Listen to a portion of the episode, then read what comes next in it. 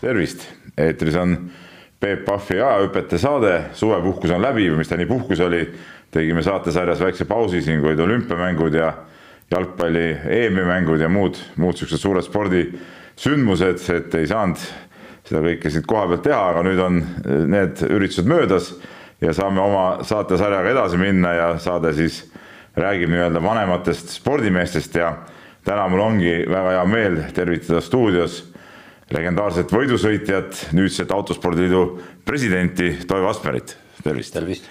no Autospordiliit äh, saab saja-aastaseks, et sellepärast ka tasub vanadest autospordi asjadest rääkida, eks ole no jaa, ega öeldakse nii, et kes ei mäleta minevikku, elab ju tulevikuta ja, ja autosport, noh, autospordiliit nüüd on ju üsnagi suure kuulsusega juba ja väga kiirelt viimastel aegadel edasi sammunud, et aga kõik see, mis on varem tehtud, need toredad asjad siin, kasvõi seesama esimene autoralli, mis oli siis äh, Tallinna Orgita Rapla Tallinn, et äh, kui neid pilte vaadata, neid pikemaid story sid luguda, et lugeda, et siis on üsnagi naljakas, aga nii oli. no nii oli jah aga no me jõuame siin rääkida sinu, sinu karjääridest, asjadest, sa oled mitmekülgne mees, et sa tulid külla ka siia, tõid kohe kaasa oma raamatu, mis sinust on kirjutatud, väga-väga uhke ja ka lauluplaadi, et, et tegus mees ja tegus mees siiamaani, eks ole, käid tööl veel, seitsmekümne nelja aastane ja töö, töö käib veel, ütleme nii. no ma ei ole jah nende aastanumbrite peal nii vaadanud, et, et äh, inimene peab tegutsema kogu aeg ja, ja kunagi üks emeriitprofessor, keda ma väga hästi tundsin, ütles mulle kuldse lause, et tead, Toivo, mis ma sulle ütlen. et mida vanemaks sa saad, seda hoolikamalt sa pead oma asju ajama ja ära jää rongist maha. et kui sa jääd korraks niiviisi kuhugi ripakile, et sa midagi ei tee, no elaks rantjee elu mm. -hmm aga siis saab rantjeelust kuidagi isu täis ja mõtleks, et oot-oot-oot, et hakkan jälle tegutsema ütles, et vaata, sind ei võeta enam rongi peale, sa ei saa vagunisse. miks? sellepärast, et kõik mõtlevad, oota, mis su vanus on, ahaa, nii, sa vahepeal midagi ei teinud. no kui ei teinud, tähendab, ei olnud suuteline tegema, ega siis nüüd ka ei ole. et selles mõttes peab olema hästi niisugune äh, tähelepanelik ja jälgima oma tegevusi, aga samas ega ma nüüd, kuidas ma ütlen, ma ei pinguta üle, ma töötan aktiivselt, kui on vaja, puhkan, kui vaja, käin kusagil välismaal, liigume perega palju ringi, käin palju kontserdid, teatrid, kõik sellised asjad. aga tööd peab tegema ja noh, nagu sa ütlesid, et igapäeval aktsiaselts Timber toimetab väga hästi, ma olen seal praegu nõukogu esimees, varem olin ma juhatuse esimees, aga, aga vahetasime natukene positsioone ja see on ka, ma ütlesin, parem niiviisi ja, ja lahedam elu jälle ja nagu sa juba ütlesid, et Autospordiliit, Autospordiliidu presidendina on vaja ju üsnagi noh, aktiivselt on vaja tegutseda, kui palju nüüd otseselt mina kõike pean tegema, selleks on juhatus. aga käsi peab pulsil olema ikkagi. aga ikkagi ilmtingimata mm. -hmm. aga kui sa rääkisid veel siin sellest raamatust ja plaadist, ma lihtsalt ikka pean meeles oma kadunud vanaema soovitusi, et kui külaline tuleb majja, et siis esimesena paku süüa ja kui sa lähed külla, et ikka mingi kingitus kaasa, et äh, ma mõtlesin, et Peep, sul kindlasti seda raamatut ei ole, see on juba natuke varasemast ajast siin kirjutatud, aga see on legendaarse Urmas Oti kirjutatud raamat, selles mõttes on ta oluliselt väärtuslikum, kui ta muidu oleks. no väärt kraam kindlasti ja, ja., ja nii on. millal sa viimati vormeliautos istusid, oled sõitnud ka viimasel ajal?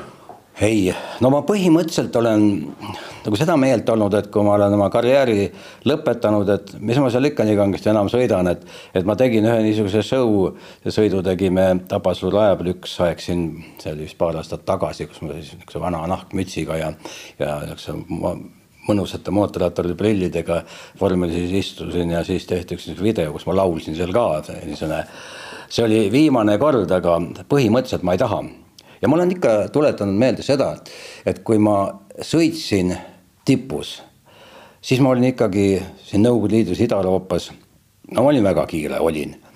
Ja võitsin ka palju aga kui ma täna lähen sinna rooli ja kusagil Pärnu raja peal sõidan, siis kõik need, kes mäletavad mind sellest ajast, siis vangutavad pead ja ütlevad, et noh, jah, oh, noh, oli päris kiire poiss, aga noh, noh, näed nüüd, et miks mul seda vaja on. ei no seda ma mõtlesin nagu enda huvist lihtsalt, et nüüd tehnika nii palju edasi läinud, eks ole, et, et äge oleks ju proovidega uhkemaid masinaid võib-olla, aga noh, ega, ega keegi niisama ka ei, ei, ei tule ja ütle, et tule nüüd sõida siin vormeliga, tead noh. Loomulikult, loomulikult täna on ju kõik raha eest ja kas mul on mõtet maksta selle eest no tegelikult hakkame natuke otsast tulema, et ähm, enne kui sa siin vormelite rooli sattusid, olid ju motomees hoopis äh,. hipodroomisõidus Eesti meister, talikrossis kahekordne Eesti meister, ma vaatasin järgi kõik täpselt, mis su saavutused on. tuletasin meelde natuke, et, et, et sihuke tehnika huvi oli siis ikka nagu algusest peale, poisikesest peale. nojah, ma ju sündisin, kasvasin siis sellises kuulsas Heino Marlandi kolhoosis, see oli Estonia kolhoos Järvamaal, Oisuu.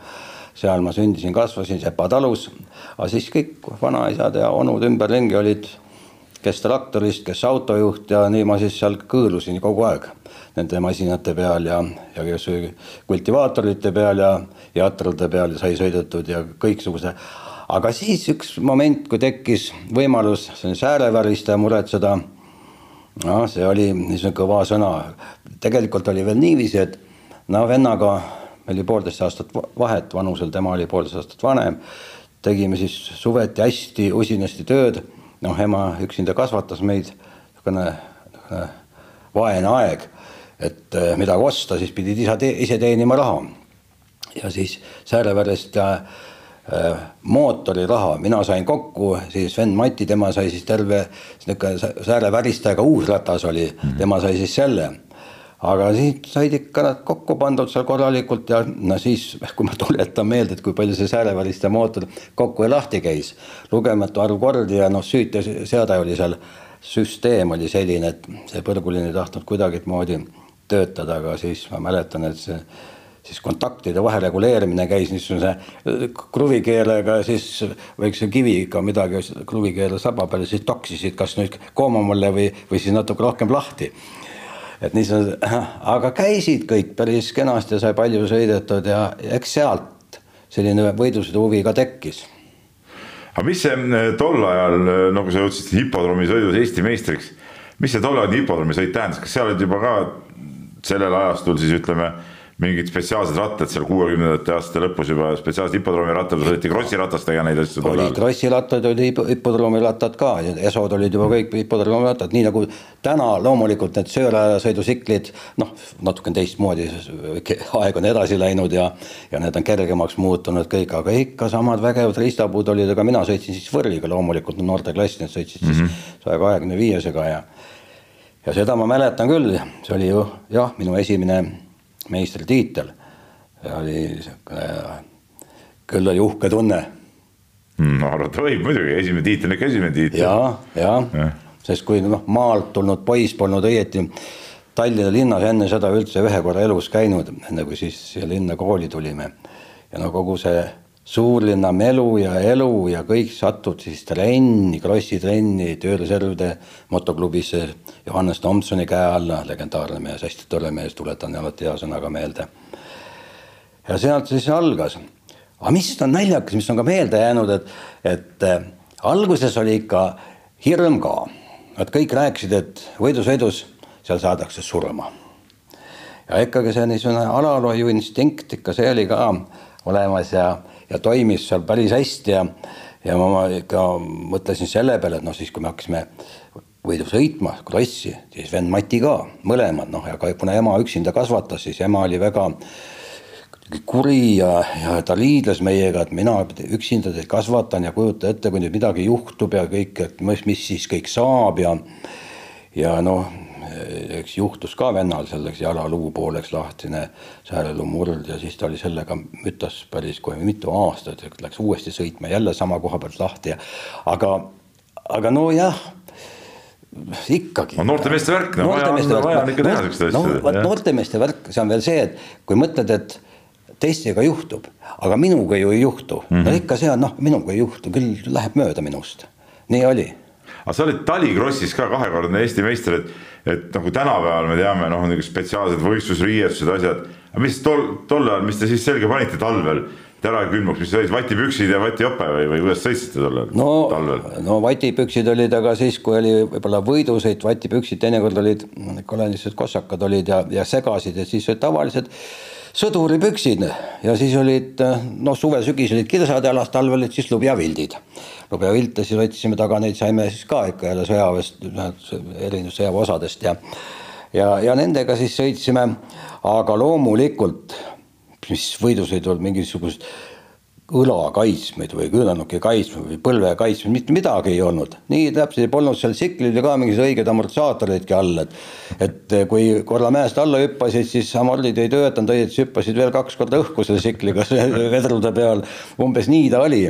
aga sõideti ikkagi ju väga-väga kiirelt ja, ja tahtmine oli ja trenni tehti ja aga no issand, talikrossil noh, palju muutunud, täna lükatakse ju talikrossil ajad lahti. Buldooserid lükkavad ja sahad seal käib. aga tol ajal oli nii, et hästi palju olid kõik talved lund täis ikka, ikka tohutult palju oli lund. no siis oli nii, et mingi issimees, see sõitis siis kusagil lumeses niiviisi raja ette, et noh, kui lumi oli õlgadeni, siis hakkas ta seal müttama ja läks umbes, aeti üks rada ette lihtsalt mm. -hmm. ja siis teised järele trenni teha aga minu esimesed trennid olid kõik Mustamäe, seal, kus täna majad, seal ei olnud ju maju. See oli aastal kuuskümmend kolm mhm. ja siis sai seal, seal põldude peal ja mingisugused vonnikesed seal olid, seal me siis sõitsime. aga, aga nüüd kujuta ette, et üks rada, aga kuidas sa sellest rajast nüüd välja saad sõita, et siis teisest eessõitjast mööda minna uh. -huh. siis tehti veel niisuguseid radu sinna sisse kõrvale ja niisuguseid jõnkse ja värke seal, aga sellega mul tuleb hästi mõnus lugu meelde.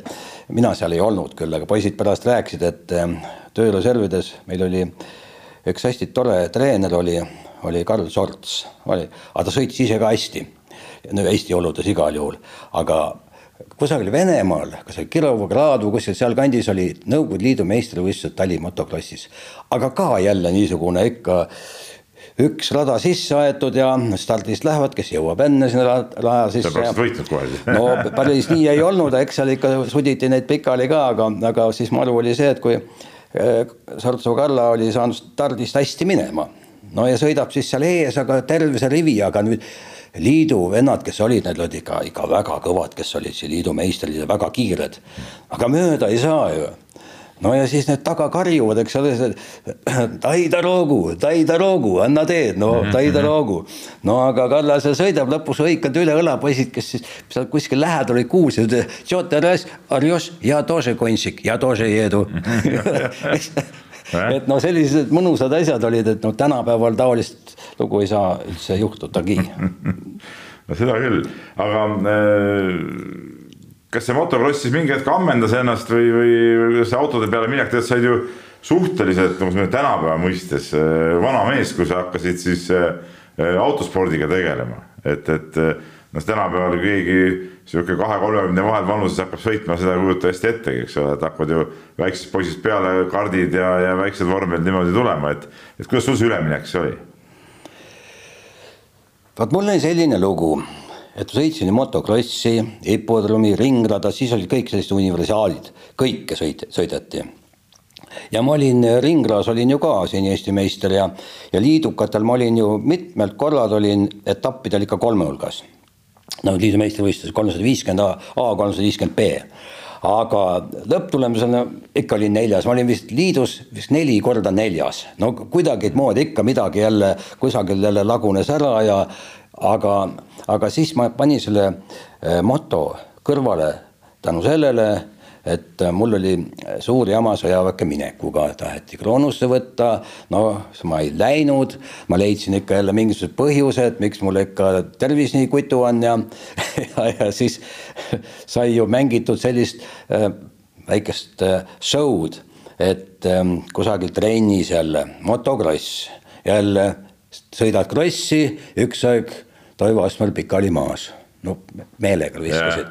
No ja siis muidugi arst oli ka kohapeal, arst tuleb siis sinna, küsib, mis juhtus, kukkusin. no kukkusid kõvasti, ega ei mäleta õieti. no tegelikult, no said jälle tõendi, peapõrutus või no kuidas öelda no umbes nii sinnakanti ta siis oli või vapustus või ajuvapustus või mingisugune niisugune väljend tal oli siis.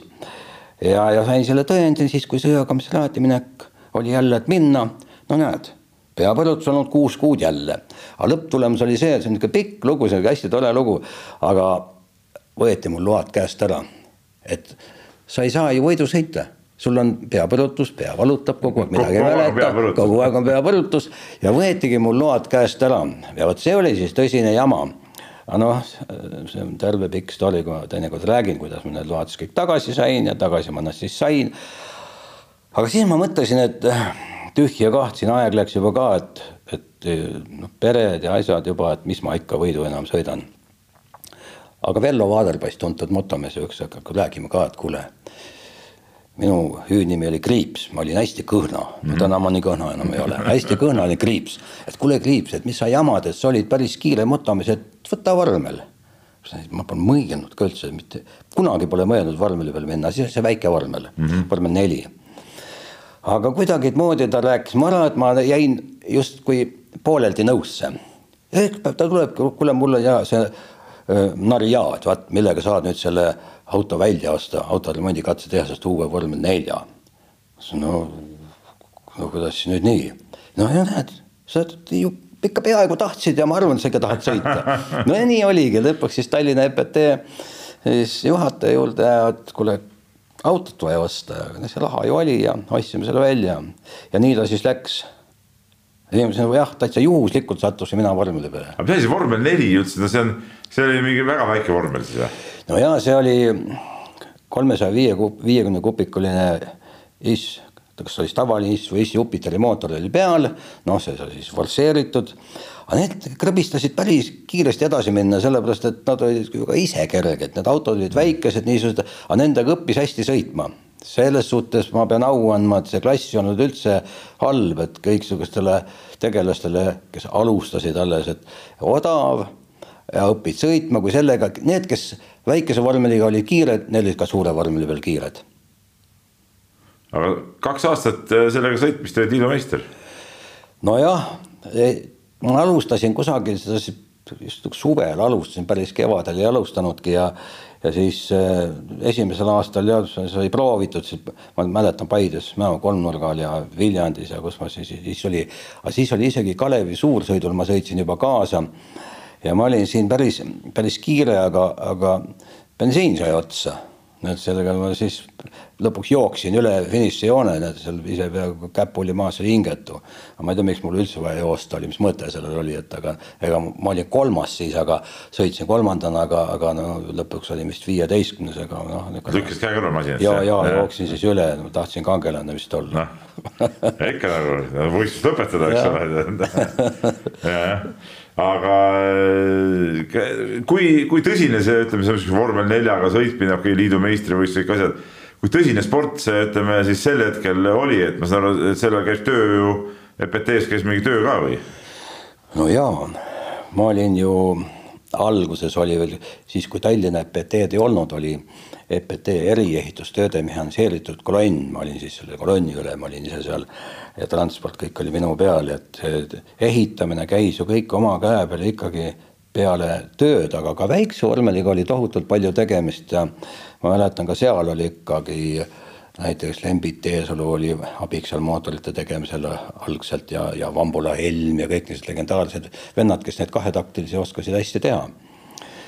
Aga noh, siis juba, kui tuli see suure vormeli peale üleminek, et vaata, vaata siis, kui ma tulin juba kas ma olin kaks korda liidu meister oli väikse kui. ja kaks korda oli jah. ja siis oli seal hõbedat oli ka, et siis ükskord tekkis niisugune tunne, et aga kui ma väikse vormeliga olen kiire, no ja siis võidan siin ja et aga miks mitte suurega proovida. ja vot suure peale minek oli nii, et hooaeg lõppes väikse vormeliga ära, siis oli Riias oli merevõigus Volga, Jantarna ja Volga mm, -hmm. niisugune võidusõit oli, seal ma sõitsin esimest korda suure vormeliga ja kui ma ei eksi, vist lõpetasin neljandana seal ja, aga no see oli täitsa, võib olla täiesti standardauto, nii nagu ta tehasest tuleb. et sellega ma ei teinud veel midagi, ma lihtsalt tahtsin proovida, kas ma tulen toime mm. -hmm. ja järgmiseks kevadeks, vaat siis ma ehitasin juba omale korraliku auto, siis see oli juba siis ikka päris, päris suur vormel no nagu tollal ikka ütleme, kui ostsid auto, siis pidi selle lahti võtma ja, ja kokku panema oli siin vormelitega ka, et kui tehasest tuli, siis ütleme selle masinaga niisama nagu väga kiiresti sõita ei saanud, et tuli tuli kõik asjad üle teha või? no kaugel sellest jah, et igal aastal sai ju midagi uut välja mõeldud või no tegelikult on nii, et, et eh, eks ma igal aastal saingi uue auto ka kindlasti aga siis sellel uuel autol oli ta see mingi, mingi uus mudel juba või eelmise aasta modifikatsioon, ikka jälle oli midagi vaja ringi teha võrreldes selle eelmise hooajaga, kasvõi seesama auto samasugune, teistmoodi oli jälle vaja teha. et suuremad asjad olid ikkagi amortisaatorid ja titaanist tükid seal käiguosadele ja, ja kardaanid, mis kippusid katki minema, siis oli tankitorsioonid, otsitud välja treitud tankitorsioonidest kardaane ja hästi palju oli niisugust nokitamist, nii et saaks selle auto natuke kergema, pöörlevad osad kergemaks, et niisugune nagu välismaal asi käis juba, siis uurisid, et mis seal tehakse, kuidas tehakse ja. oli mingit infot ka, ütleme see välismaa äh, vormelite ja tehnika kohta või no siin ikka siin suletud süsteemis väga palju sellest ei teadnud, mis seal, millega seal sõidetakse. no ega väga palju ei olnud, eks siin Margus Ants Kuuse, tuntud siis tehnikaajakirjanik, temalt sai üht-teist ikka ja ja siis mäletan ka Vello Kala, tema oli siis ka ajakirjanik, tema ja, ja tõlkis mulle vahest seal mõned asjad ja aga ega väga palju ei saanud, sest eks see info, mis tuli, ta oli selline hästi tehniline ja ei osanud seda õieti tõlgendadagi, et mis see nüüd tähendab, et vaata, kui ta kirjutatud on nii, mis ma nüüd peaks õieti tegema, et mhm. selles osas oli, oli ikkagi võrdlemisi keeruline. aga mis oli lihtsam, oli muidugi mootorite forsseerimine. Lada mootorite forsseerimine see oli, see oli mul endal õige pea ikka väga hästi käpas, seda ma tegin kõik ise. noh, mehaanik siis ka mm. -hmm. aga oligi nii, et üks hooaeg lõppes, mootori ehitus läks kohe lahti selle auto võib-olla said alles uue auto kevadel kätte mm -hmm. autoremondi katsetehasest targist. aga mootorite ehitus käis juba, juba sügisel, talvel, no tavaliselt sai ikka tehtud kaks mootorit valmis, kui mitte, kui mitte veel varuosa sellest, võib-olla üks plokikaan oli veel varuks või. aga kaks mootorit tavaliselt ikka oli ja need said kõik ise tehtud. põhiline probleem oli nukkvõll, et kus selle nukkvõlli, see sportnukkvõlli, noh, kus tehti ikka tualettitehas mm. -hmm. seal olid ju ka väga kõvad seeriautodega sõitjad, noh samas mootorid peal ikkagi laadad. ja siis oli ka vormelimehel ja Ponomarjov oli ju sealt, Ponomarjov oli ka hästi kiire. ja siis sai lihtsalt äri tehtud, Toljatti viidud küll siis pool siga ja võid ja konserve ja nagu see siis oli seal. Venemaal polnud ju väga midagi võtta ja siis sai kokku lepitud, et kui siis öösel kusagil siis meie kruusa sinna jõuab, et kus kohas siis antakse kaup üle, ega see oli seal ka väga, väga, väga, väga karm lugu, sest need vennad, kes seal on, ega nad ei julgenud ju ka vastu võtta, siis oli ka seda, vot eks neil olid ka kõikidel silmad peal, kuna tegemist oli ikkagi tuntud spordimeestega mm, -hmm. siis võis arvata, et nad seal Toljatis mingit äri ajavad, no jah, aga see on jälle selle siis niisuguse ühisomandi vargus. tähendab, antakse mulle mingi nukkvõll, kus sa selle said sealt. sul ei ole see enda oma ju, ei ole ju näiteks Ponomarjovi oma. sa kusagilt said siit. et selles mõttes oli keeruline, aga, aga kõik asjad said ära aetud ja ja asi toimis. võib öelda, et äh, tänapäevases ülekandes naljakuulsused, et, et kuritegelikul teel sai, sai äh, need masinad nagu kokku pandud tegelikult, eks ole. jah, sul on õigus, poolesti nii oli. poolesti nii oli jah, ja, jah aga ma tuleks korra tagasi selle vormel nelja juurde, noh, see, see on sihuke masinaklass, millest on noh, ilmselt suhteliselt ka vähem nagu räägitud. kas need olid ka juba Estonia vormelid või need olid kuskil mujal tehtud? Estoniad. Need olid ka Estoniad? Estonia vormelid jah, ja neid oli nii palju, et meil oli näiteks ähm, Kiievis oli ühel aastal Nõukogude Liidu meistrivõistluste e-, see teine etapp, kui ma ei eksi. ja siis sinna tuli kohale kuuskümmend kaks, oli see kuuskümmend kaheksa väikest vormelit. üks klass ja see oli niivõrd populaarne. Ja siis oli jah, need eelsõidud ja poolfinaalid, et sa finaali siis jõuad ja kõik. et see oli hästi-hästi populaarne, hästi populaarne oli. Äh, kas äh, ütleme, tol ajal üle liidu sõideti nende Estonia vormelitega või, või mis siin liidus veel oli, tehti veel kuskil vormeli, vormeleid kui selliseid üldse või? ei oli mingi vormel Vostok oli ka olemas. see tehti, need tehti ikka siin. ikka siin tehti ka, see oli ka klass ikkagi. jah, see oli klass, nii ja. nagu näiteks vormel Mondial oli või ja. vormel kolm, kuidas need mõnel aastal nimetati. aga need olid ikka needsamad Estoniad, noh siis Estonia kaheksateist või üheksateist või kakskümmend või kakskümmend üks, nii nagu nad seal olid. see oli nagu mootori ja selle ja. suuruse ja võimsuse vahe ikkagi. just nii, jah mm. -hmm. ja siis oli ka, et rehvid et tuli üks aeg juba, kus sa võisid kasutada ka siis eh, Sotsmaa, Ida-Euroopa rehve võisid kasutada ja lõpus oli juba siis, kui sai sõidetud eh, see oligi Mondi oli ka viimases otsas, siis me sõitsime vist paar aastat juba, kolm aastat, me võisime sõita ka juba läänerehvidega. minul olid seal kas siis Dunlopid või Avonid olid ja, ja see noh, see oli juba, juba niisugune, et hästi tore aeg. nojah, aga äh, kogu see elu käis sedasi, et päevatöö oli, oli päevatöö ja siis õhtul mindi garaaži ja hakati autosid putitama ja tegema, millest kodus sai olda siis? nojah, eks see kodune. naine nuuti ei andnud, et kuule, et mis toimub. nojah, eks see kodune elu kannataski, eks, ja tulebki tunnistada, eks minu esimene abielu läks ju puhtalt ikkagi tippspordi nahka, sest et et nii kaua polnud viga, kui ma sain liidukoondisesse, ma sain liidukoondise küllaltki kiirelt, kui ma suure peale läksin su, suure auto peale ja ma olin liidukoondises kolmteist hooaega mm. -hmm. ja, ja selles mõttes oli, oli üsnagi karm, no vot seal oli juba tõesti nii, et et mul oli ju töö, ma olin ju ikkagi igal päeval tööl, kui ma liidukoondises, ma olin iga.... mis, mis tööd sa tegid seal EPT-s? ma olin Tallinna EPT juhataja asetäitja mm. autotranspordi alal. kogu transport, kõik oli minu no, kas liidukoondise mehel oli tarvis sihukest tööd teha ei no aga, aga keegi ju palka ei maksnud ju, palgaline ei saanud. tavaliselt olid ju sportlased olid nagu, olid kirjas küll, aga nad tööl ju ei käinud, eks ole, et raha võeti välja. ei, minul oli nii, et mina olin kogu aeg tööl ja lõpus oli veel siis ametiühingu komitee esimees olin ja, aga noh, ikkagi töö kogu aeg mm. -hmm Äh, siis äh, meie legendaarne spordiklubi Tallept, mille me siis ise lõime, äh, seal olid ju kõik minu põline konkurent, hea sõber Toomas Napa, Mart Kongo, võtame, siis oli Enno Jürimaa oli ju seal, Tõnu Teesalu, kõik olid ju meil ju vormelimehed ja kõik olid tipumehed olid meil seal koos mm. -hmm. motomehed, Jüri Raudsik, siis oli Raul Sinimaa, Jaan Mürk, kõik, siis oli Arvo Küünemäe need olid kõik meie klubi mehed, kõik et selles mõttes me tegime hästi võimsa, vägeva klubi ja tuleb tunnistada, et äh, juhataja Valno Zopp, ta oli ju tuntud jahilaskur, ta oli liidu meister jahilaskmises. Ja ta mm -hmm. väga armastas seda sporti ja talle meeldis, et kui siis sportlikud tulemused olid saavutatud, et siis teda hästi ka meelde tuletati igal pool. et aitas kaasa. ei no jaa, ikka, ikka lugupeetud juhataja Valno Zopp tänu temale ikka see oli niisugune, aga ega siis polnud ju raske kiita ja iga, iga inimene tahab kiitust. ei, seda muidugi jah, aga ütleme see, ütleme siukse tehnikaspordi ligi olemine ikkagi andis äh, tollal päris kõvasid eeliseid ka, et ütleme seda seda sihukest tehnikat ja autovärki nii-öelda, noh, tollal noh, see võis tikku tulega otsida, aga teil ikka liikus seal igast kraami. no jaa, ikka.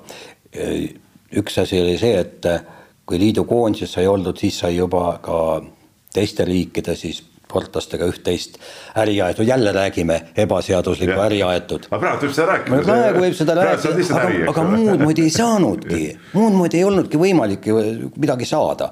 aga siis niisugused isiklikud kontaktid, midagi sa seal susserdasid, keegi tahtis mingeid sigulitükke saada, laadatükke, no neid meil oli lihtsam saada. ja sa küsid, kas oli lihtsam, no võtame kasvõi näiteks autoteenindused, no autoteeninduses, kes töötas see oli ikka väga kõva mees, see oli kõva vend juba. aga meie, kes olime tippvõidusõitjad, siis meie olime seal ka alati teretulnud, et kui meil oli midagi vaja, siis kuidagi noh, ei ikka näed, et siin Toitsil on vaja või no kuule, ikka muretseme. et mul oli võimalik saada, teistel ka oli võimalik saada tükke sealt oluliselt lihtsam kätte, lihtsamalt ja samas ka siis noh, nii-öelda nende baasil jälle mingisugust vahetuskaupa teha. aga mida see liidukoondis nagu sisuliselt andis, et, et seda ütleme, tehnilised võimalused läksid palju suuremaks kui, kui mittekoondise meestel või? nojah, esiteks oli see, et liidu koondis siis äh, tsentraalne automotoklubb Tossav, nii nagu mm -hmm. ta Moskvas oli, sealtkaudu said siis juba autod, need ei pidanud EPT välja ostma, mootorid sai sealt, rehvid sai sealt, õlid, küünlad juba, mis öeldi, kõik oli defitsiit, need seal mingid kastalud olid ja need me saime siis kõik juba Moskvast, et see oli ikka, ikka suur-suur eelis, lõpuks ka rehvid, kui me liidukoondises käisime väljas. aga, ja noh, siis välissõidud, noh, see oli ise juba, et kui kolmteist aastat oled liidukoondises, saad väljas käia, siis pere heaolu muidugi paranes ka. Aga teist küljest jälle nagu sa enne küsisid, kas pere ei kannatanud siis, kui sai töö kõrvalt kõike tehtud, et et loomulikult kannatas, et liidukoondise laagrid tulid ju peale. no need treeninglaagrid, talvel sai käidud. aga mida te seal laagrites tegite siis? no laagris tegime üldfüüsist, näiteks talvel me käisime tšeketil, käisime seal mäesuuska tegemas ja, ja mis oli kõige vastikum seal mägedes joosta, hommikul ärkad üles, mina üldse hommikuti ei taha mingit trenni teha, minu organism kuidagi hommikul selles mm -hmm. väga laisalt ärkab. no sealt näiteks kell seitse üles ja nüüd jooksma seal mägedes no küll oli äh, karm, no ja siis ega jälgitakse ka kas oled niisugune luisukott lahja või jõuad.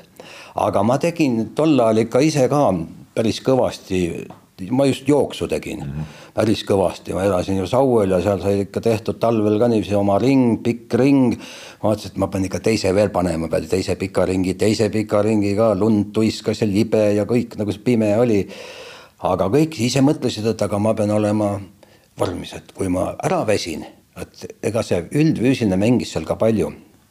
arvatakse, et vormeliselt on lihtne, no ma ei kujuta. seal pole, tollal polnud roolivõimsust ega midagi, seal oli korralik, korralik väänamine nagu käis ainult ju nojah, ja eks oli ju palju neid seal ka, ma mõtlen niisuguseid keskmise väärtusega sõitjaid, kes väga niisuguse üldfüüsilisele üldse nagu võib-olla ei pannudki väga rõhku, et mis asja, ma olen muidu tugev poiss, näiteks kangi tõstan seal, vaata kui palju ma tõstan, aga sitkust vastupidavust ei ole mm. -hmm. aga seal on vaja just vastupidavust.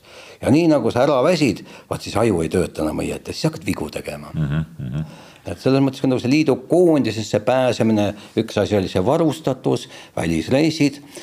ka kui sa ja kui sa siis ikka liidu koondises olid seal, no siis olid sa veel üks jupp kõvem kui tavaline liidumeister näiteks mm. -hmm. et need asjad kõik innustasid no sa olid ju tegelikult, me alguses rääkisime, et vanast peale hakkasid autoga sõitma suhteliselt noh, võidusõitu. et said liidu koondises seal pealt nelikümmend juba või, või ikka olid ju? ma sain ikka kolmekümneselt seal kuskil. ei, ma mõtlesin siis, kui sa veel olid koondises. ja, ja, ja, ja, ja, ja, ja, ja, aga kui sa pidevalt sõidad ja, ja no, oled töökas, masinad töötavad ja ise oled valmis, et sa oled kiire. üks tore asi, ma pean ikka ütlema, et Napa, Toomas Napa ühes klubis. Tol ajal, kui me sõitsime võidu, ega me ei olnud väga sõbrad, noh, üks asi oli see, et mina olin juhataja asetäitja, tema me võtsime tööle siis troppi ja taglastaja, kraana peal siis nii-öelda, aga ega ta tööl ei olnud, nad olid kõik mul elukutselised, mina ise tegin tööd, aga kõik olid need rautsikud või kongod või kes nad olid, põhiliselt kõik olid. lihtsalt, nagu rääkisid, said palka lihtsalt. aga mina ei saanud, sellepärast et, et seal Varnud Sopp, siis juhataja ütles alati, et kuule, sa tahad, et see klubi ikka toimib sul või? tee tööd siis. ma ütlesin, no vabastust vaja, seal vahest oligi, et vabastust vaja, vaja juba Kiievisse välja sõita. aga meil oli, tol ajal oli kevadeti ju maaparandustööde kõrgperiood, aga minu käe all oli kolmsada ühikut transporti, kõik, no seal oli siis kõik, olid rekkad ja siis olid seal kallurid ja porteed ja kärud ja treilerid ja tohutu park, park, mis seal kõik oli aga siis vahest oligi, et ütleb ka, et Toivo, kuule, kui sa arvad, et sul on vaja minna Kiievisse, eks sa mine, pane avaldus laua peale ja ah, hakka autojuhiks. mõtlesin ka no Varno, et noh, et need kõik juba hakkavad minema, ma jään ju hiljaks. kuule, maaparandustööde kõrgperiood on, kes töö ära teeb, aga siis ta tahtis tore mees oli, ta tahtis, et sa siis kuidagimoodi noh, lähed ja palud ja, ja aga siis ma võtsin paberi, kirjutasin talle ilusti, et palun mind vabastada juhataja kohustusest ja viia mind üle autojuhiks siis ta, nii, sinu sõna peab ikka peale jääma. ma ütlesin, ei ole, alla jäi ju praegu aga ega ta seda lahti saada. noh, aga, aga Toomas, Toomas ütles mulle kunagi Soomes oli sõit, mina seal Soomes võitsin veel Soome meistrivõistluste etapp oli see kuskil üheksakümmend juba ja lõpupoole, kui me lõpetasime juba ja siis ta ütles ükskord mulle hästi toreda lause, mulle hästi meelde jäänud, see mulle meeldis. sest ütles, et kuule, tead, mis ma ütlen? mida vanemaks sa saad, seda kiiremaks sa lähed. et see oli ikka tore lause, et kuidagi, et ma olin heas vormis ja, ja sõiduvormis ja siis vigu ei tulnud sisse ja aga see oli konkurendi poolt niisugune hea tunnustav, tunnustav lause no kui nüüd natuke võrrelda, siis tema tuli Sotsmaade karikavõitjaks, sina olid kaks korda teine, et karikavõitu kätte ei saanud. ei no oligi nii, et teine kord, kui oli, vot jälle see, see võit tegelikult võeti mul ära ja see ei ole mitte täna mingisugune kraaklemine või kuidas oli. juhendites oli tavaliselt nii, võrdsete punktide juures loeb, milline tulemus, viimase etapi parem tulemus mm. -hmm. Ja sõitsimegi viimast etappi ja me lõpetasime Viktor Kazantkoviga võrdsete punktidega ja minul oli väga hea meel, juba mehaanik, siis Tarmo Neuhus käib, õnnitleb ka, et kuule, saime ikka selle, selle, selle Ida-Euroopa kulla ikka ka kätte veel. ja muidugi hea meel. hakates õhtul ette lugema, võitja Viktor Kasankov. teine Toivo Asmar. no mina pärast küsin siis Jüri Nikolajevitš Andreev, et, et no kak-takk, et noh, et aga meil oli võrdne arv punkte ja ma olin ju siin eespool. Ei, see suvel tehti see juhend ringi, me tegime selle ringi parem esimese etapi koht oli määrav. ei olnud seda rohkem kunagi nii ega ei olnud varem nii, alati öeldakse viimase etapi parem aga noh, pole hullu midagi. oli tarvis niimoodi teha. no pole katki midagi, olen kaks korda hõbe, aga oleks võinud kuld ka olla. aga nüüd tulles tagasi liidukoondise aegade juurde, et seal olid ju mingid treenerid ka, eks ole, et, et kuidagi, kes teid seal kavandasid ka laagrites olles ju, et kas te siis seal mingit sõiduõpet ka saite või, või teie mehi polnud seal enam midagi õpetada? No sõiduõpet nii väga otseselt ei olnud, aga meil oli sõidutrenne oli palju, liidulaager näiteks, kui tehti Kiievis, no teinekord oli kümme päeva liidulaager. Läksite oma masinatega koos? masinatega sinna, noh siis hommikuti selle, siis sarjatka oli võimlemist ja jooksu, need olid niikuinii, aga seal oli tavaliselt päevas oli kaks trenni. Kaks trenni, kus siis kõik liidu koondise liikmed ja kandidaadid ka, tavaliselt laagrisse kutsuti kusagil kümme, kaksteist meest mm. -hmm. aga välja sõitis ikka neli vormelimeest alati. aga siis kandidaadid olid ka. ja sa pidid tegelikult iga trenn näitama, et sa oled kiire. ja nüüd oligi see, et äh, seal oli liidu koondise siis vanem treener, ta ei olnud peatreeneri ametinimetusega, vaid vanem treener oli Jüri Nikolajevitš Andreev ja tema oli kaasas siis sealt Alma Vüüst veel igasuguseid tegelasi, kõigil stopperid käes. ja siis nemad olid pannud endale maha lõigud, iga raja peal laiali siis jaotatud mehed, stopper käes, vot siit sinna, Peep Pahv kui kiiresti sõitis. Ja kõik ringid. ja siis pärast tehti analüüs parim ringiaeg, ütleme see, sellel lõigul see, miks sa seal lahja olid, vot sul oli pidurdusmaa seal pikk või kellelgi oli natukene, eks ole, liiga hilja vajutas lahti, võib-olla gaasi võetud parem kiirendama. ja siis vot niisugust asja käis seal kogu aeg, ehk sa pidid pidevalt tõestama ja näitama, et sa oled igal pool kiire. Sest et eks äh, nii mõnigi Moskva mees ju vaatas, et miks eestlasi liidukoondises, no kaks oli praktiliselt alati, et me olime siin napaga, aga ükskord oli terve liidu jõuk oli, kõik olime neljakesti eestlased, käisime Rumeenias, see küll ei lõppenud kõige paremini seal, aga, aga nii ta oli. et aga kui aga sa. miks ta ei lõppenud kõige paremini? no seal oli ühel, ühel meie Eesti vennal oli kohe nii, et kui ta sõitis välja, esimene trenniring, no hoiatati sihuke müüride vahel sõit seal ka, et eh, Astaloosna ettevaatlikult mm, -hmm. et mhm. siin niisugune, aga noh, kuna ta oli, ma nimesid ei hakka nimetama, esimest korda oli ka liidukoondisega väljas ja nii ta esimese ringi peal see seinas oli ka täiesti puruks ikka vilbasteks, no üks masin väljas. et selles mõttes ei olnud jah, kõige, kõige parem asi, aga juhtub, alati juhtub. no võidluses ikka juhtub jah. aga, aga kui sihuke kamp mehi saab seal liidu koondises laagris ka kokku ja, ja noh, kõik nagu täismehed ja ja võidusõitjad ka võib-olla natuke siuksed noh, ärksamad kutid, et eh, sai pulli ka seal või? No ikka kõvasti sai, seda pulli, eks see pull oligi see, mis ikka tõmbas paljud pinged maha, et olles kodunt ära ja igasugused probleemid ju tekkisid ja ja niisugused toredad tegelased kõik ju, ega kui täna tagantjärele mõelda, et kes olid konkurendid ja vaata, konkurent on alati konkurent, seal võistluspaigas ja ka laagrites see suhtumine on natukene omamoodi, niisugune ettevaatlikum, oled sõber küll, aga, aga päris sõber ei ole, vot täna me oleme siin suured sõbrad kõik et kui kokku saame, räägime ja siis kõik naeravad ja oli kihvt aeg. aga jah, eks seda muidu seda pulli sai ja seda, seda no neid anekdoote, mis seal räägiti või neid igasuguseid jamasid, mis kellelegi kokku keerati, no niisugused sõbramehe poolest ja ja no muidugi neid käike, sõite, olemisi ja tähistamisi ja no neid on ikka olnud. kärakat võeti kõvasti? jah, kärakat võeti ka kõvasti, vot see aeg oli üldse, mina ütlen, et praegusel ajal noored on mõistlikumad ja võetakse, minu arvates küll võetakse vähem, oluliselt, aga tol ajal oli see piiride värk oli ju kinni kõik, no siis oligi, kui sa pidu panna kusagil, siis oli üks tore asi, pidu oli, no panemegi pidu. aga mis sinna peolaua peale panna, no ega seal polnudki. Polnudki eriti midagi panna. no polnudki midagi panna. no süüa sokutati ikka sinna päris korralikult, aga mis see viin oli ja siis eks see sealt ikka võeti ja, ja, ja noh, no nüüd ma siin olen, eks ole, mõelnud ka, et, et ähm, ma, minust on saanud korralik mees, et ma ei taha üldse mingit kanget alkoholi, ma ei taha. no veini, isegi kõige parem on see mullivein, mingid kaavad või proseccod või šampanjat juua. aga said oma koguse täis seal lihtsalt? ei, no ja, et ega me nüüd nii palju ei joonud, aga, aga, ja, ja, aga selles mõttes põhimõtteliselt jah, et eks see viin on üks jube asi, et, et äh, võib-olla jah, see ongi ikka, ikkagi nagu öeldakse, et see on vanarahva ütelus juba, et see on nagu äh, külma ilmaga püksi pissimine, et alguses on mõnus ja soe, aga siis hakkab kole külm ja värinad tulevad peale. et see on samamoodi. aga no kogu see liidukoondise trall käis ju kuulsa sotsmaade karika ümber, eks, et ega see muid väljundeid ju liidukoondisest tegelikult ei olnud ju.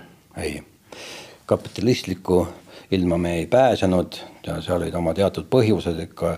No ma arvan, et need ärksamad vennad, kes seal olid, nad ikka teadsid ka, et selle tehnikaga ei ole seal midagi teha ja no igal pool räägiti, et äh, meil on ju kõige parem tehnika mm. -hmm. meil on kõige paremad sõitjad, meil on kõige paremad rehvid, meil on kõige paremad mootorid. et kui me nüüd sinna oleks läinud, siis me oleks ju veendunud, et kõik on ju vastupidi. ei saa ju Nõukogude inimesi sinna viia. aga motomehed ju käisid, vaata ringrajamehed vist ja, ja krossimehed, nad, nad Nad mingitel MM-etappidel said ju mõnikord vahest harva sõita. nojah. aga ütleme autod, noh, see on täpselt teine, teine maailm tead muidugi. jaa, eks vaata autod, vormelid on kallid, et osteti ju näiteks Krossi meestele osteti sisse ju esimesed vist olid KTM-id, kui ma ei eksi, vist no ütleme. CZ-id ja noh, sellised Krossi mootorrattad, kus sõitis legendaarne Arbekov ja Moisejev ja võitsid seal. see oli muidugi sihuke sotsmaade aeg, kus, kus, kus CZ-iga võisid tulla maailmameistriks mm, -hmm. no täna muidugi ei tule aga siis, kui osteti juba seal Rotaxi mootorid ja vihurist tehti need raamid ja millest ka Jüri Raudsik rääkis väga toredasti ja kas pidurid ja kõik väljad ja kõik tehti ju ise. aga vormel oli jah, nii palju ikka suurem ja oleks ta kallimaks läinud, et ju siis Moskvas otsustati, et äh, seda me ei tee mm. -hmm, mm -hmm. aga millega need teised sotsmaad sõitsid, ütleme, kuidas see tehnika võrdlus oli, ütleme, ma ei tea, kas tšehhid olid ikka mingid Škoda vormelid või, või mille, millega nad Metal, nendel oli Metalex oli Metalex, selle toot, tootja ja siis Aha. näiteks Václav Limm, tema tegi ka oma masina täiesti ja hästi, hästi kõva insener, niisugune ta oligi inseneri, inseneriharidusega ja ja hästi niisugune vahva selline, et ta tegi omale hea auto, ta tegi head mootorid ja sõitis ka hästi, ega ei olnud midagi öelda ja ja siis olid äh, sakslastel olid oma seal, ma ei tea, Orvo rahastas neid seal ja mis seal mudelit ma täpselt ei mäleta, aga nendel olid ka praktiliselt kõik ühe tehase omad aga noh, seal oli veel siis, kui oli Madis Laivi ja, ja ütleme, Enn Grihvel ja Henri Saarmi aeg olid, siis seal sõideti ju ka ju erinevate mootoritega, aga siis, kui see meie aeg juba tuli, siis oli vormelitel oli ikka, kõikidel olid laadad peal, kõikidel ka ütleme teiste riikide omadele. oi, välja arvatud rumeenlased, nendel vist lubati sõita, ma ei tea, mis, mis, mis mootor nendel seal eriline Datsun seal peal oli, aga see see, need kotid ei läinud küll edasi kuskilt otsast, nad üldse ei osanud sõita ka, ütleme rumeenlased olid tõesti ääretult lahjad, aga ütleme poolakad, ungarlased, kõik sakslased, tšehhid, need olid kõik kiired. Et see Sotsmaade karikas tegelikult oli ikkagi ütleme noh, see oli meie piirkonna mm põhimõtteliselt, noh see meie... oli no, no nii-öelda ülekantud tähenduses, eks ole. no ja, ja kus oli tohutu rahva huvi ju. Saksamaal oli ka Šlaitsi raja peal, ma mäletan, kui ma esimest korda sinna sattusin, mõtlesin, et ma nii palju rahvast isegi unes kujutan ette, et seal on, see oli, see oli tohutu rahva pikk rada. seal, kui eriti, kus need telkimislaagrid olid seal ka tol ajal juba kõik kontserdid mm -hmm. ja mhm. noh, peod käisid seal ikka räiged peod, mis seal siis olid. aga tohutu rahvamass ja huvi, tohutu huvi, mis oli nojah, see on suur etendus, no nii nagu meil oli motikate värk Kalevi suuruselt, meil nagu vormelitele väga palju kaasa elada ju ei saanud, sest et noh, mingil hetkel ju enam Pirital ei sõidetud. Ja, ja ütleme, need muud rajad olid ka need tavalised tänavarajad, eks ole, need äh, Sauga kolmnurgad ja, ja mis need olid seal Viljandis, eks ole, ja, ja nii edasi, et noh, need, need äh, ei olnud võib-olla nii põnevad rajad ka. ei olnud jah, Pirita rada oli vägev, nii et mina olen seal ka Pirita raja peal. Olen äh, võidu sõitnud ja vormeliga, et selles mõttes minul on ta väga meeltmööda olnud ja, aga muidugi ohtlik jah. et äh, mitu korda on küsitud siin intervjuudes ka, et no kuidas varem oli, et, et sõideti ikka surnuks ka. ja et kas sa ei mõelnud selle peale, et no võib juhtuda ja nagu ma ütlesin, nii kui ma motoga alustasin, ka mõtlesid ikka selle peale, aga aga siis vahest oli ikka natukene sant tunne, et kui seesama võistlus, kus sa parajasti osaled ja siis keegi viiakse ära, kes on juba teises ilmas. juhtus niisuguseid asju? juhtus, juhtus, neid juhtus ikka. Neid ikka, niidu all ikka vaikiti maha ka, ega neid väga ei räägitud nendest asjadest. nojah, eks me ise ju nägime, me ise. ei, teie küll, aga ma ütlen, ütleme tavainimeseni see väga palju ei jõudnud. ei jõudnud, ei, ei, kus sellega, seda ei kirjutanud suurt keegi mm, -hmm. ei tohtinud isegi kirjutada, meil ei juhtu mm -hmm. kunagi mitte midagi, lennukid ei kukkunud alla, rongiõnnetusi mm -hmm. ei olnud. aga siis ma, noh, ma mäletan, et näiteks ükskord oli Riias ja üks Eesti mees läks ära, oli ka nii, et, et puudesse, no mis, kui sa puudesse lähed, olgu sul või sada peal, eks ole, on asi juba mm -hmm. otsustatud ja seal polnud ju mingit turvavarustust ja kui sul on juba sada viiskümmend peal või sada seitsekümmend peale, ma arvan, see oligi kuskil võib-olla niisuguse saja seitsmekümne, kaheksakümne pealt läks metsa. noh, seal oli, kohe oli otsustatud, et siis mõtled küll, koju sõitsin sealt autoga, et ei tea, kas on mõtet või noh, aga see.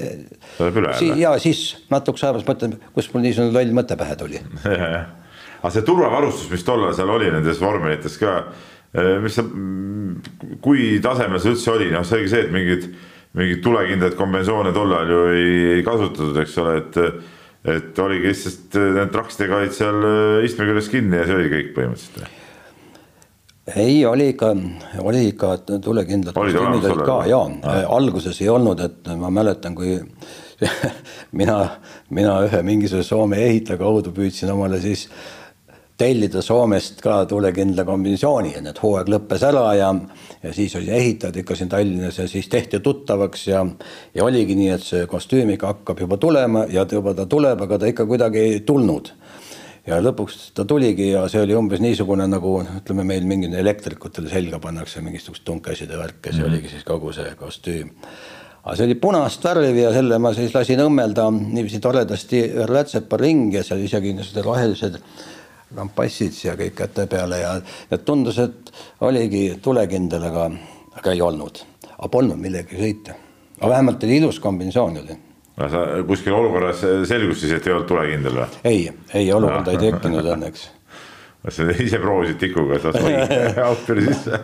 no ja, no ma nojah. kui päris aus olla, ma proovisingi ah. jah, kuskilt sealt püksi sääre alt tõmbas ah. koha pealt, kuigi kiiresti põlema läheb, vaata ah. põlevad üleni maha siinsamas koha peal nojah, lihtne oli ka idaeurooplast nii-öelda ära, ära hullutada, eks ole, et see on nagu hea kraam ja. Tean nendest asjadest suurt, suurt midagi. aga see Eesti pliiats, sa korra rääkisid ka, et, et olite seal liidukoondises mitmekesi, no siin Toomas Napad ja, ja Raul Sarapid olid ja siin igast, igast vennad olid. Et, et ehm, mille pealt see tugines või mille pealt see tuli, et Eestis on neid, eh, neid võidusõitjaid nii palju, noh, meil olid rallimehed kõvad, meil olid motomehed kõvad ja siis vormelimehed ka ikkagi kõvad, et et, et kuidagi nagu see on kogu aeg nagu eestlaste veres olnud ikkagi see võidusõit jah, see on ka igavene küsimus, mis on olnud, mida on küsinud ka soomlased minu käest ja oleme ka siis minu eelkäija Kari Vadaneniga siin Autospordi arutanud, et mis on see fenomen. aga mulle tundub, et see on kuidagi vaata, eestlane on, üldiselt on ta niisugune jonnakas, edasipüüdlik, ta tahab saavutada seda, mida ta just kindlasti tahab saavutada. ja, ja, ja ta läheb edasi ja samas on ta riskialdis, samas on ka tasakaalukas. et tal on kõik need omadused olemas ja see on sama nagu noh, me imetlesime ju soomlasi varem, et oi, kus on seal ikka, vaata, missugused kõik automehed, motomehed, meil ei tule kunagi. täna soomlased kadestavad meid soomlased on meie peale kadedad, eriti kui me vaatame näiteks karti mm, -hmm. mis on see esimene aste, kus need kiired tulevad. kuskohast tulevad teile need vennad? tulevad Soome sõitma ja annavad meile kere peale. kolin on taga.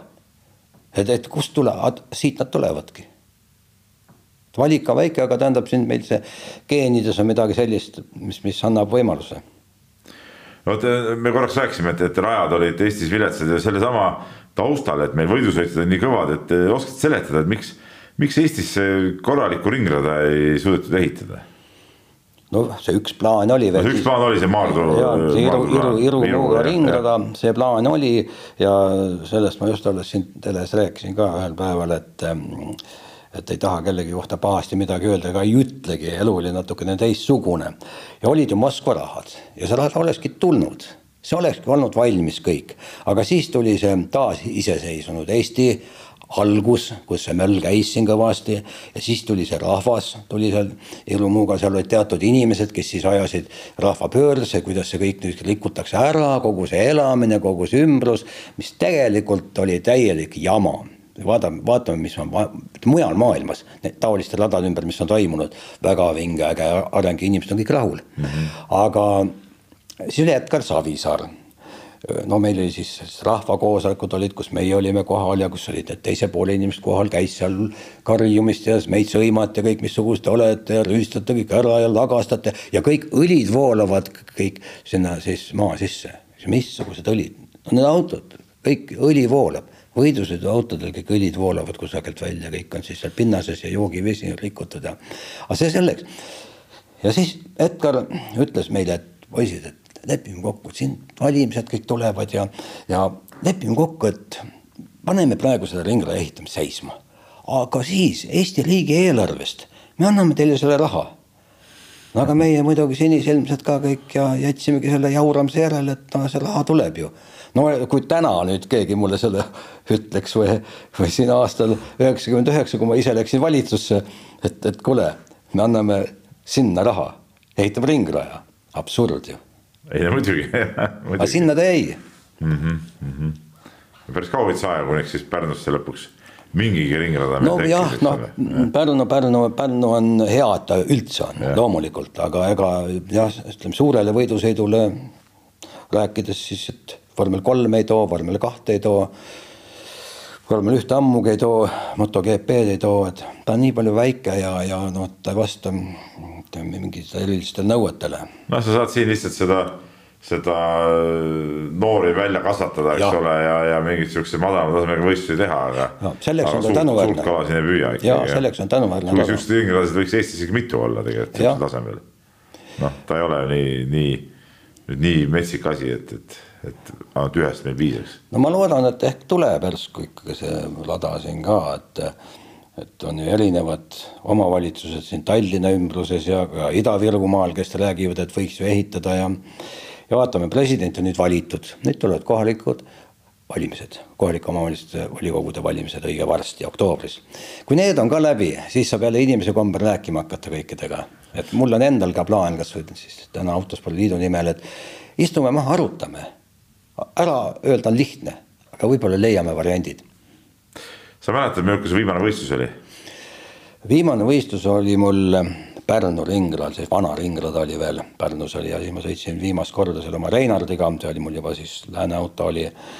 aga seal juhtus jah niiviisi, et ähm, ma olin seal esimene, aga nüüd üks kaasteeline siis selja tagant, eks pidurdus maa peal kuidagi tuli mul robinal külje pealt sisse ja, ja rikkus mu sõidu seal ära ja ja siis ma vaatasin ka, et et ei ole mõtet enam siin jamada, et noh, vanust oli juba ja need osad kusagilt läänest tuua, need varuosad on nii kallid, et sellel ei ole mõtet. ja siis mul tuli meelde veel, ma käisin, karusloomakasvatus oli seal Rakus ja, ja käisin selle direktori juures see oli just eelmisel aastal veel. ja ütlesin, ole täitsa, kuule, et sa Jüri Raudsikut siin toetasid motot, et võib-olla natukene toetad mind ka trehve osta seal ja hästi tore mees, niisugune tore kohtumine oli kõik ja siis ta vaatab mind, ütleb ka, et kuule, et oota, kui vana sa oled? no ma pakun välja, ma siis olin siis seltskond nelikümmend kolm või neli või mis ma juba seal olin, niisugune ahhaa. aga et mis su eesmärk on? no näed, siin Soomes olen käinud siin, võitsin ära ja, ja Rootsis olin teine, käisin Falkenbergis oli Rootsi meistrivõistlustel teine ja see oli seal lõpus kõik. -hmm. et noh, et minna ja sõita seal ja, aga noh, et aga edasi. ja siis ma hakkasin sealsamas koha peal mõtlema, et aga, aga edasi ei olegi ju midagi. ma ei ole ju tulevikumees, ma olen minevikumees. ja tegelikult see kohtumine lõppes meil hästi toredasti ja viisakalt ja rohkem me teineteisega sel teemal ei rääkinud üldse mina ei küsinud ja tema ei pakkunud mm. -hmm. et ja siis see oligi see koht, kus ma sain aru, et äh, võib-olla on aeg joon alla tõmmata. Oleks kõik olnud olemas, noh, oleks sõitnud siin veel neid väiksemaid sõite.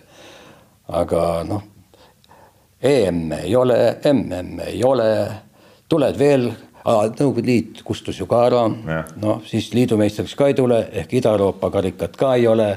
no siis ongi lihtsalt mingi auhinnavõistlus kusagil ja no see ongi. see ei paku enam pinget? ei paku, ei pakkunud, nii oli. aga kahju oli natuke või ütleme üldse, et, et olid nagu vaimselt, no seesama jutuajamine näitab ka, et sa tegelikult vaimselt olidki valmis nagu lõpetama selle. mina olin valmis lõpetama, nii et ma ei ole mitte kunagi kahetsenud, kui palju on küsitud, noh, kuule, kas ei tõmba tagasi. ma üldse ei tõmba. kas, kas sa ei julge sõita? ma arvan, et ma julgen, aga ma ei taha. üldse ei taha sõita võidu enam. ma sõitsin ju tegelikult ju kokku ju kolmkümmend hooaega võidu, sellest kümme oli motot ja kakskümmend oli autot. no palju võib mis su kõige eredam hetk oli sõitjakarjääris? No võib-olla paar hästi eredat hetke on. eks esimene või kõige tähtsam oli see, kui ma täitsin siis rahvusvahelise klassi meistrisportlase ehk suurmeister normi, võitsin Rumeenias siis Ida-Euroopa etapi, see oli jube libe rada ja keeruline ja sügisene niisugune märg rada, lehed langevad puudelt linnatänavatel, hästi keeruline rada, nii et seal võeti võistlejate koosolek kokku, et jätame selle etapi ära. aga lõpptulemus oli see, et no ikkagi, et medalid olid vaja välja mängida ja see oli, kui ma ei eksi, oligi viimane etapp vist oli seal. siis otsustati ikkagi lõpuks, et noh, teeme ära. ja, ja ma võitsin selle ülipikalt, nii et ma võitsin selle ringiga selle sõidu, see oli kõigi kuida, ees, kõigi ees, et see kuidagi mul see sobis nii hästi. ja teine oli muidugi üks, üks vingemaid oli rahvaste Spartakiaad, see kaheksakümmend kuus, mille ma võitsin siis ka ülivõimsalt. see, oli, kus oli siis ikka liidu kõikide klasside, ütleme nagu vormel, paremik mm -hmm. pannakse kokku ühe klassi peale. ja see, see õnnestus ka pikalt võita seal, et need on niisugused, olen iseendaga rahul. aga tervikuna, kas see noh, sa ütled kakskümmend aastat sõitsid äh, vormeliga võidu. kas tasus ennast ära, ütleme, ütleme majanduslikult äh, oleks võinud äh, teistmoodi ennast kuidagi paremini ära kindlustada, okei okay,, sul oli, tegid sa muu töö kõrvalt, aga ütleme, kui sa mõtled kõike seda aega, mis sinna kulus ja, ja, ja seda ressurssi, et, et kas see oli see mõttekas tegevus? oli, isegi siis ei saanud nii aru, aga kui nüüd natukene mõelda edasi et eh, oli ju aasta, see oli siis üheksakümmend neli, kui mind tuldi ära rääkima, et tulles kandideerima poliitikasse, ma ei tahtnud üldse poliitikasse minna, pole kunagi tahtnud.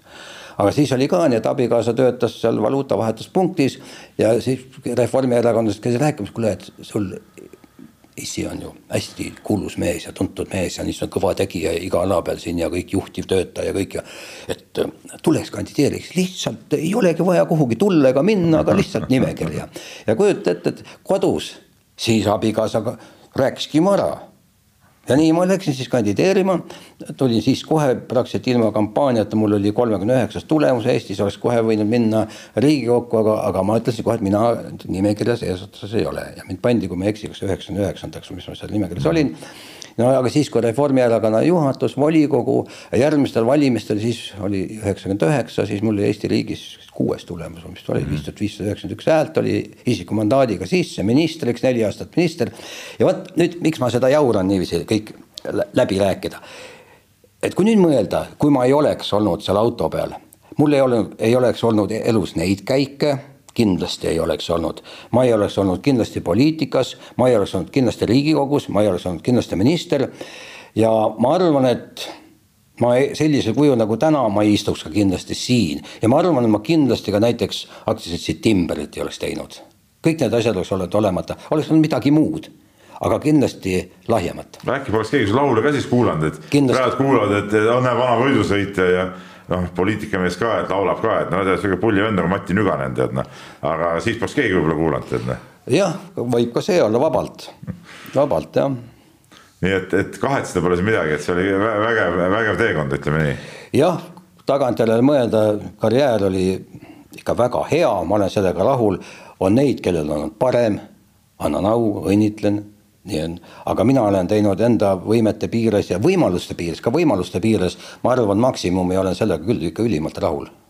kus su karikad kõik on, oled karikateks eraldi maja ehitanud või?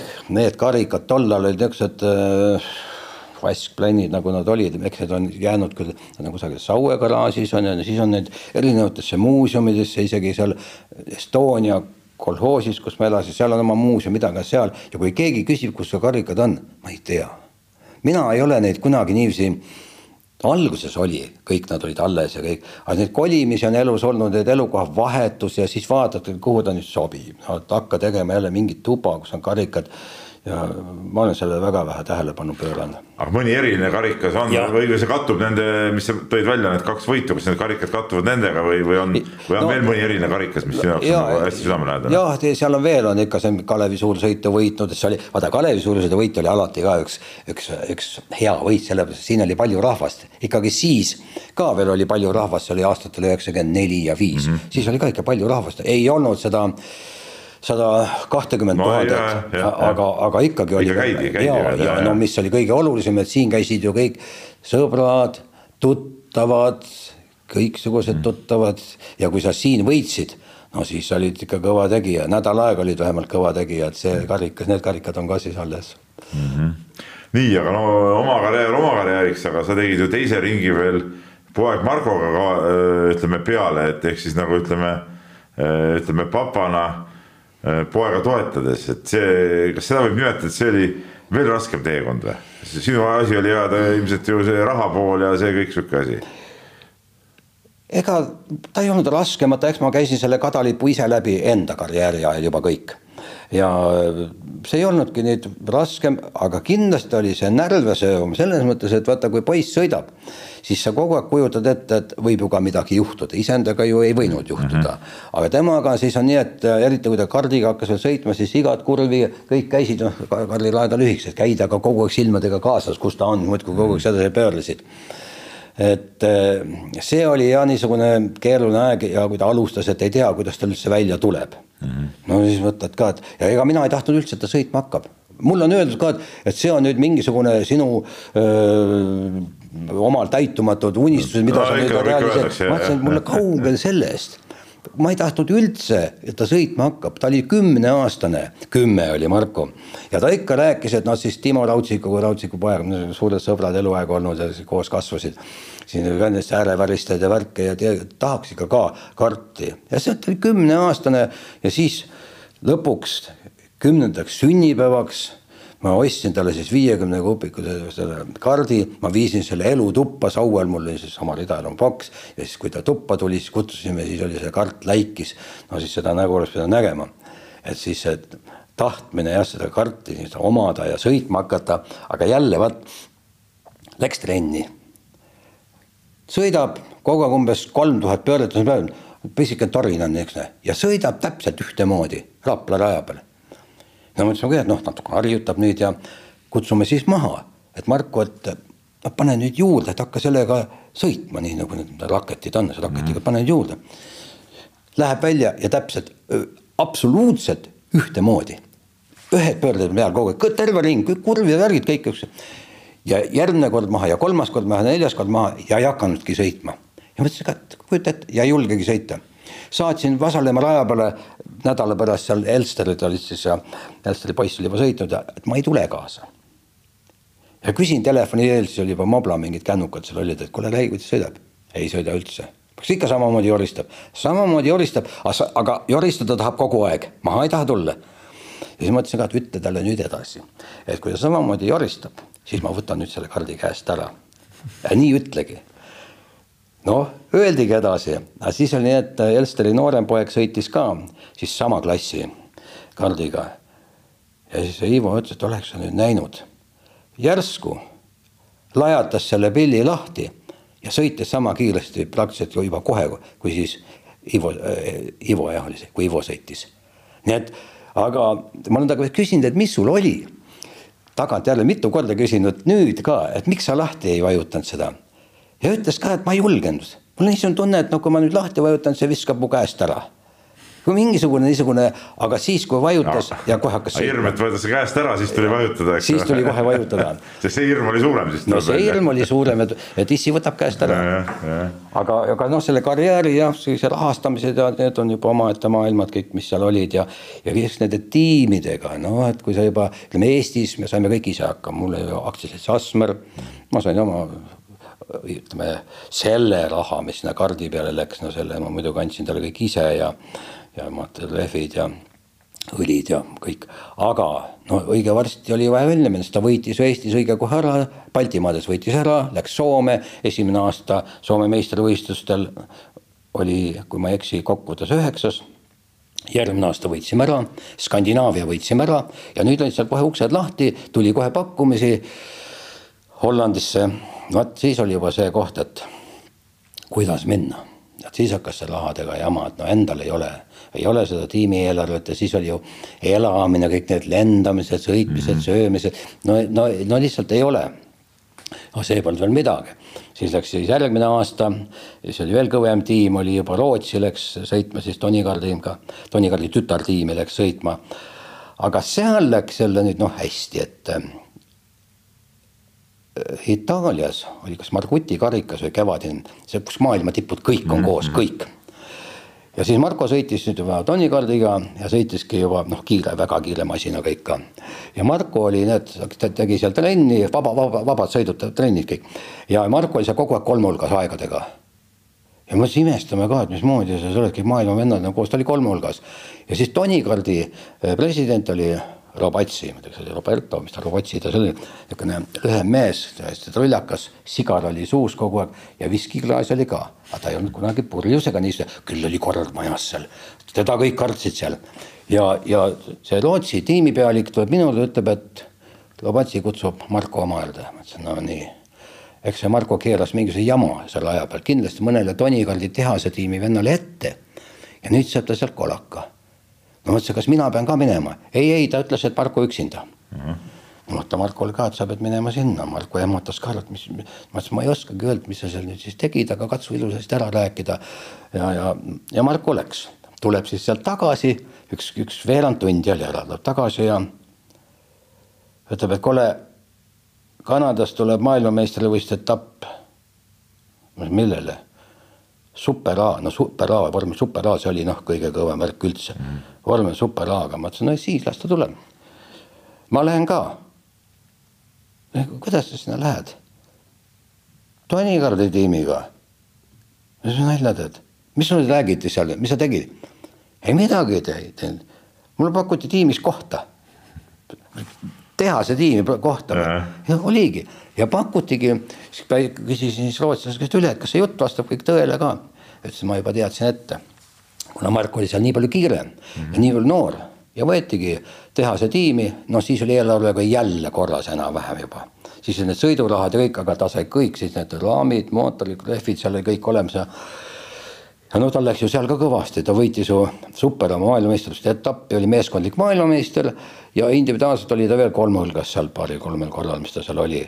No siis tuli ka kohe vormel peale, vormel Ford mm. -hmm. ja siis oli äh, mänedžeriks võtsime Harald Aismani, kes viis ju Kimi Raikkoneni ja Jenson Buttoni viis vormel ühte ja tema lihtsalt siis uurisime, kes võiks selline mänedžer olla, sest no ise ei oska ju midagi rääkida. muidugi, see on teine maa, see ei ole, see ei ole Toljatti tehases öösel käia juppe sealt toomas. või pakkides. jah, täpselt ja nii, nii see värk siis kõik seal läks, et siis tuli juba see Williamsi test seal vormel kolm, no muidugi ütleme Marko poole pealt, mis oli ikka väga kõva, ma täna julgen küll öelda, et noh, täna vaatad jälle palju on muutunud, kõik vormel neljad ja vormel kolmed ja vormel kolmes siis on veel see kuskil on mingisugune öö, oma seeria ja seal on see, aga vormel kolm Briti meistrivõistlused, see oli mitteametlik mm, seal kõik, kõik tahtsid sinna mhm. tulla mm, -hmm. sest sealt pääses vormel ühte kohe, siis vormel kahte ei olnud enam vahepeal. et sealt saaks kohe vormel ühte, kõik tulid sinna. aga et see Marko selle väga võimsalt ära võitis, no siis tuli kohe, tuli see momentaalselt see BMW Sauber mm. -hmm. ja see oli ka hästi maru lugu veel, kui Mario Tyson, kes oli ju BMW Sauberi mm, siis direktor, kuidas me teda nimetame, tiimipealik või.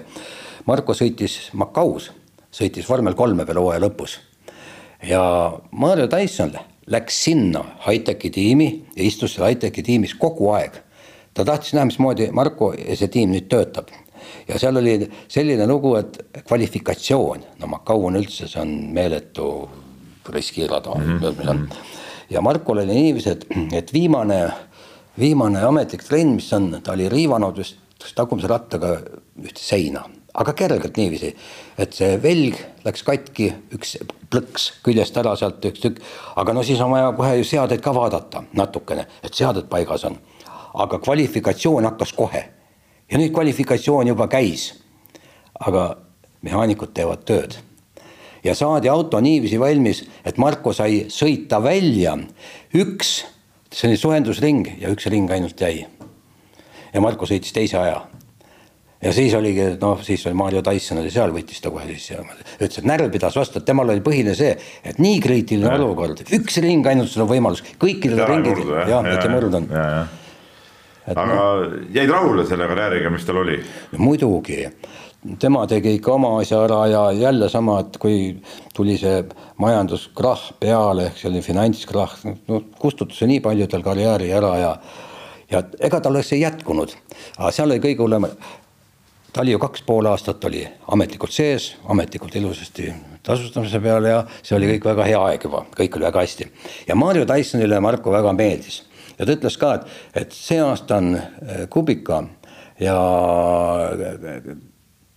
Kli-, äh, Kristjan Kliin ei, see Kubika ja Heidvelt, vabandust, Kubika ja Heidvelt on põhisõitjad ja Kristjan Kliin ja Marko olid siis testsõitjad nagu nimetati. aga et järgmisel aastal no, Heidveldi lööme sealt nagunii minema, Marko on põhisõitja koos Kubikaga ja nii pidi minema. aga neist tuli täpselt sellel pelakas tuli siis peale see rahadega ja ka BMS tõmmati ju eelarved kokku ja öeldi, et järgmisel aastal insenere vähemaks, mehaanikud, kõike, kõike vähemaks ja kolm sõitjat jääb. No aga Markol polnud ju veel kogemusi siis ju tühjagi, ei saanudki ju kaasa rohkem siin lüüa. et see, see poole hooaja pealt ja et ähm, noh, Clean oli ju sõitnud ka ju põhisõitjana juba mitu hooaega varem mm, -hmm. aga ta kukkus siis seal testsõitjaks. no siis oligi need, Clean jäi ja, ja siis läks BMW Sauber just nagu üheks aastaks minema ja BMW Sauber läks üldse minema. ja kui BMW Sauber oleks jäänud oleks Markol olnud veel kindlasti võimalus, sest Aidvel mm -hmm. oleks sealt nagunii välja jäänud seal teatud muud põhjused, see ei ole minu asi rääkida. et aga Markol oleks võimalus olnud, aga kuna BMW kadus üldse ära. BMW kontsern ütles, et me vormel ühe projekti rohkem enam ei arenda.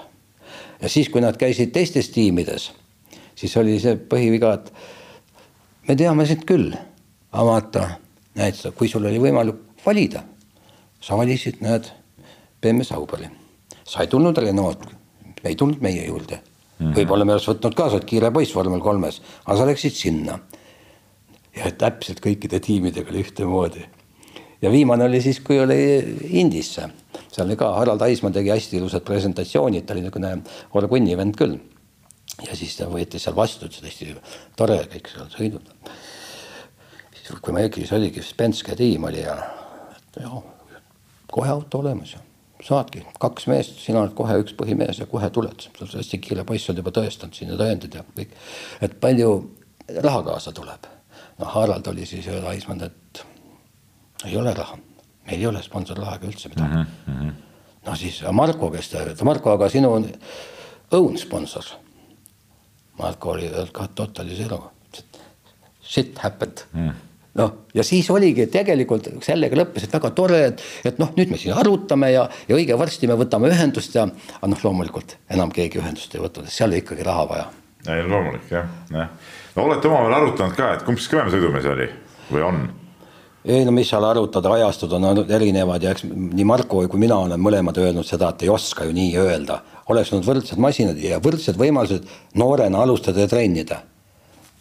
siis ei tea aga see, et ta on kiire olnud ja noh. no aga papsina ikka ei taha ju tunnistada, et poiss on üle kasvanud. ei, ei, ei, ei. sihukest, sihukest varianti ei, ei ole. ei, seda varianti ei ole niikuinii see on nii nagu seda ei ole jah, aga, aga ma arvan, et tema, ma olen rääkinud ju ka üldiselt Davõidused asjadest väga rohkem ei taha rääkida kui Vipsi asjadest mm. -hmm. oma asju ütles, mis me siis räägime, mis me siin jaurame, pole, pole mõtet. aga tema on endaga rahul, sest noh, kardis ikka ta oli ju siin Eestid, Lätid, Leedud, Soomed, Skandinaaviad, kõik maailmas ju teinud seal ju väga suuri tegusid ära ja kõik see vormel väike, ütleme kolm, kolm ja aga noh, kui lõpuks siis tuli see finantskrahh peale, no mis sa siis nüüd teed, mis me siis nutame lõpmatuseni, hakkame siis nüüd kahekesi võidu jooma, joome, et kujuta ette, me ei saanud ju sõita seal. Mm. -hmm nii, aga vägev, vägev oli rääkida, aegu meenutada ja tänapäeva välja, välja tulla, et eh, suur tänu, et said tulla, vestelda, suur tänu kingituste eest. Lähen koju lugema ja, ja laule kuulama ja, ja väga-väga vahva kohtumine oli suur tänu kutsumast, muidugi, kui sa oled ju, sa oled ju proff, kui me räägime spordist üldse ja eks ka paljudel muudel aladel, et eh, proffidega on hea juttu rääkida, et on õiged küsimused, siis saab ka õiged vastused antud. no nii on. Te vaatasite nüüd eh, Peep Pahvi A-hüpete uue hooaja esimest saadet. külas oli Toivo Asmer, kahe nädala pärast on uus saade ja, ja uus külaline. aitäh vaatamast.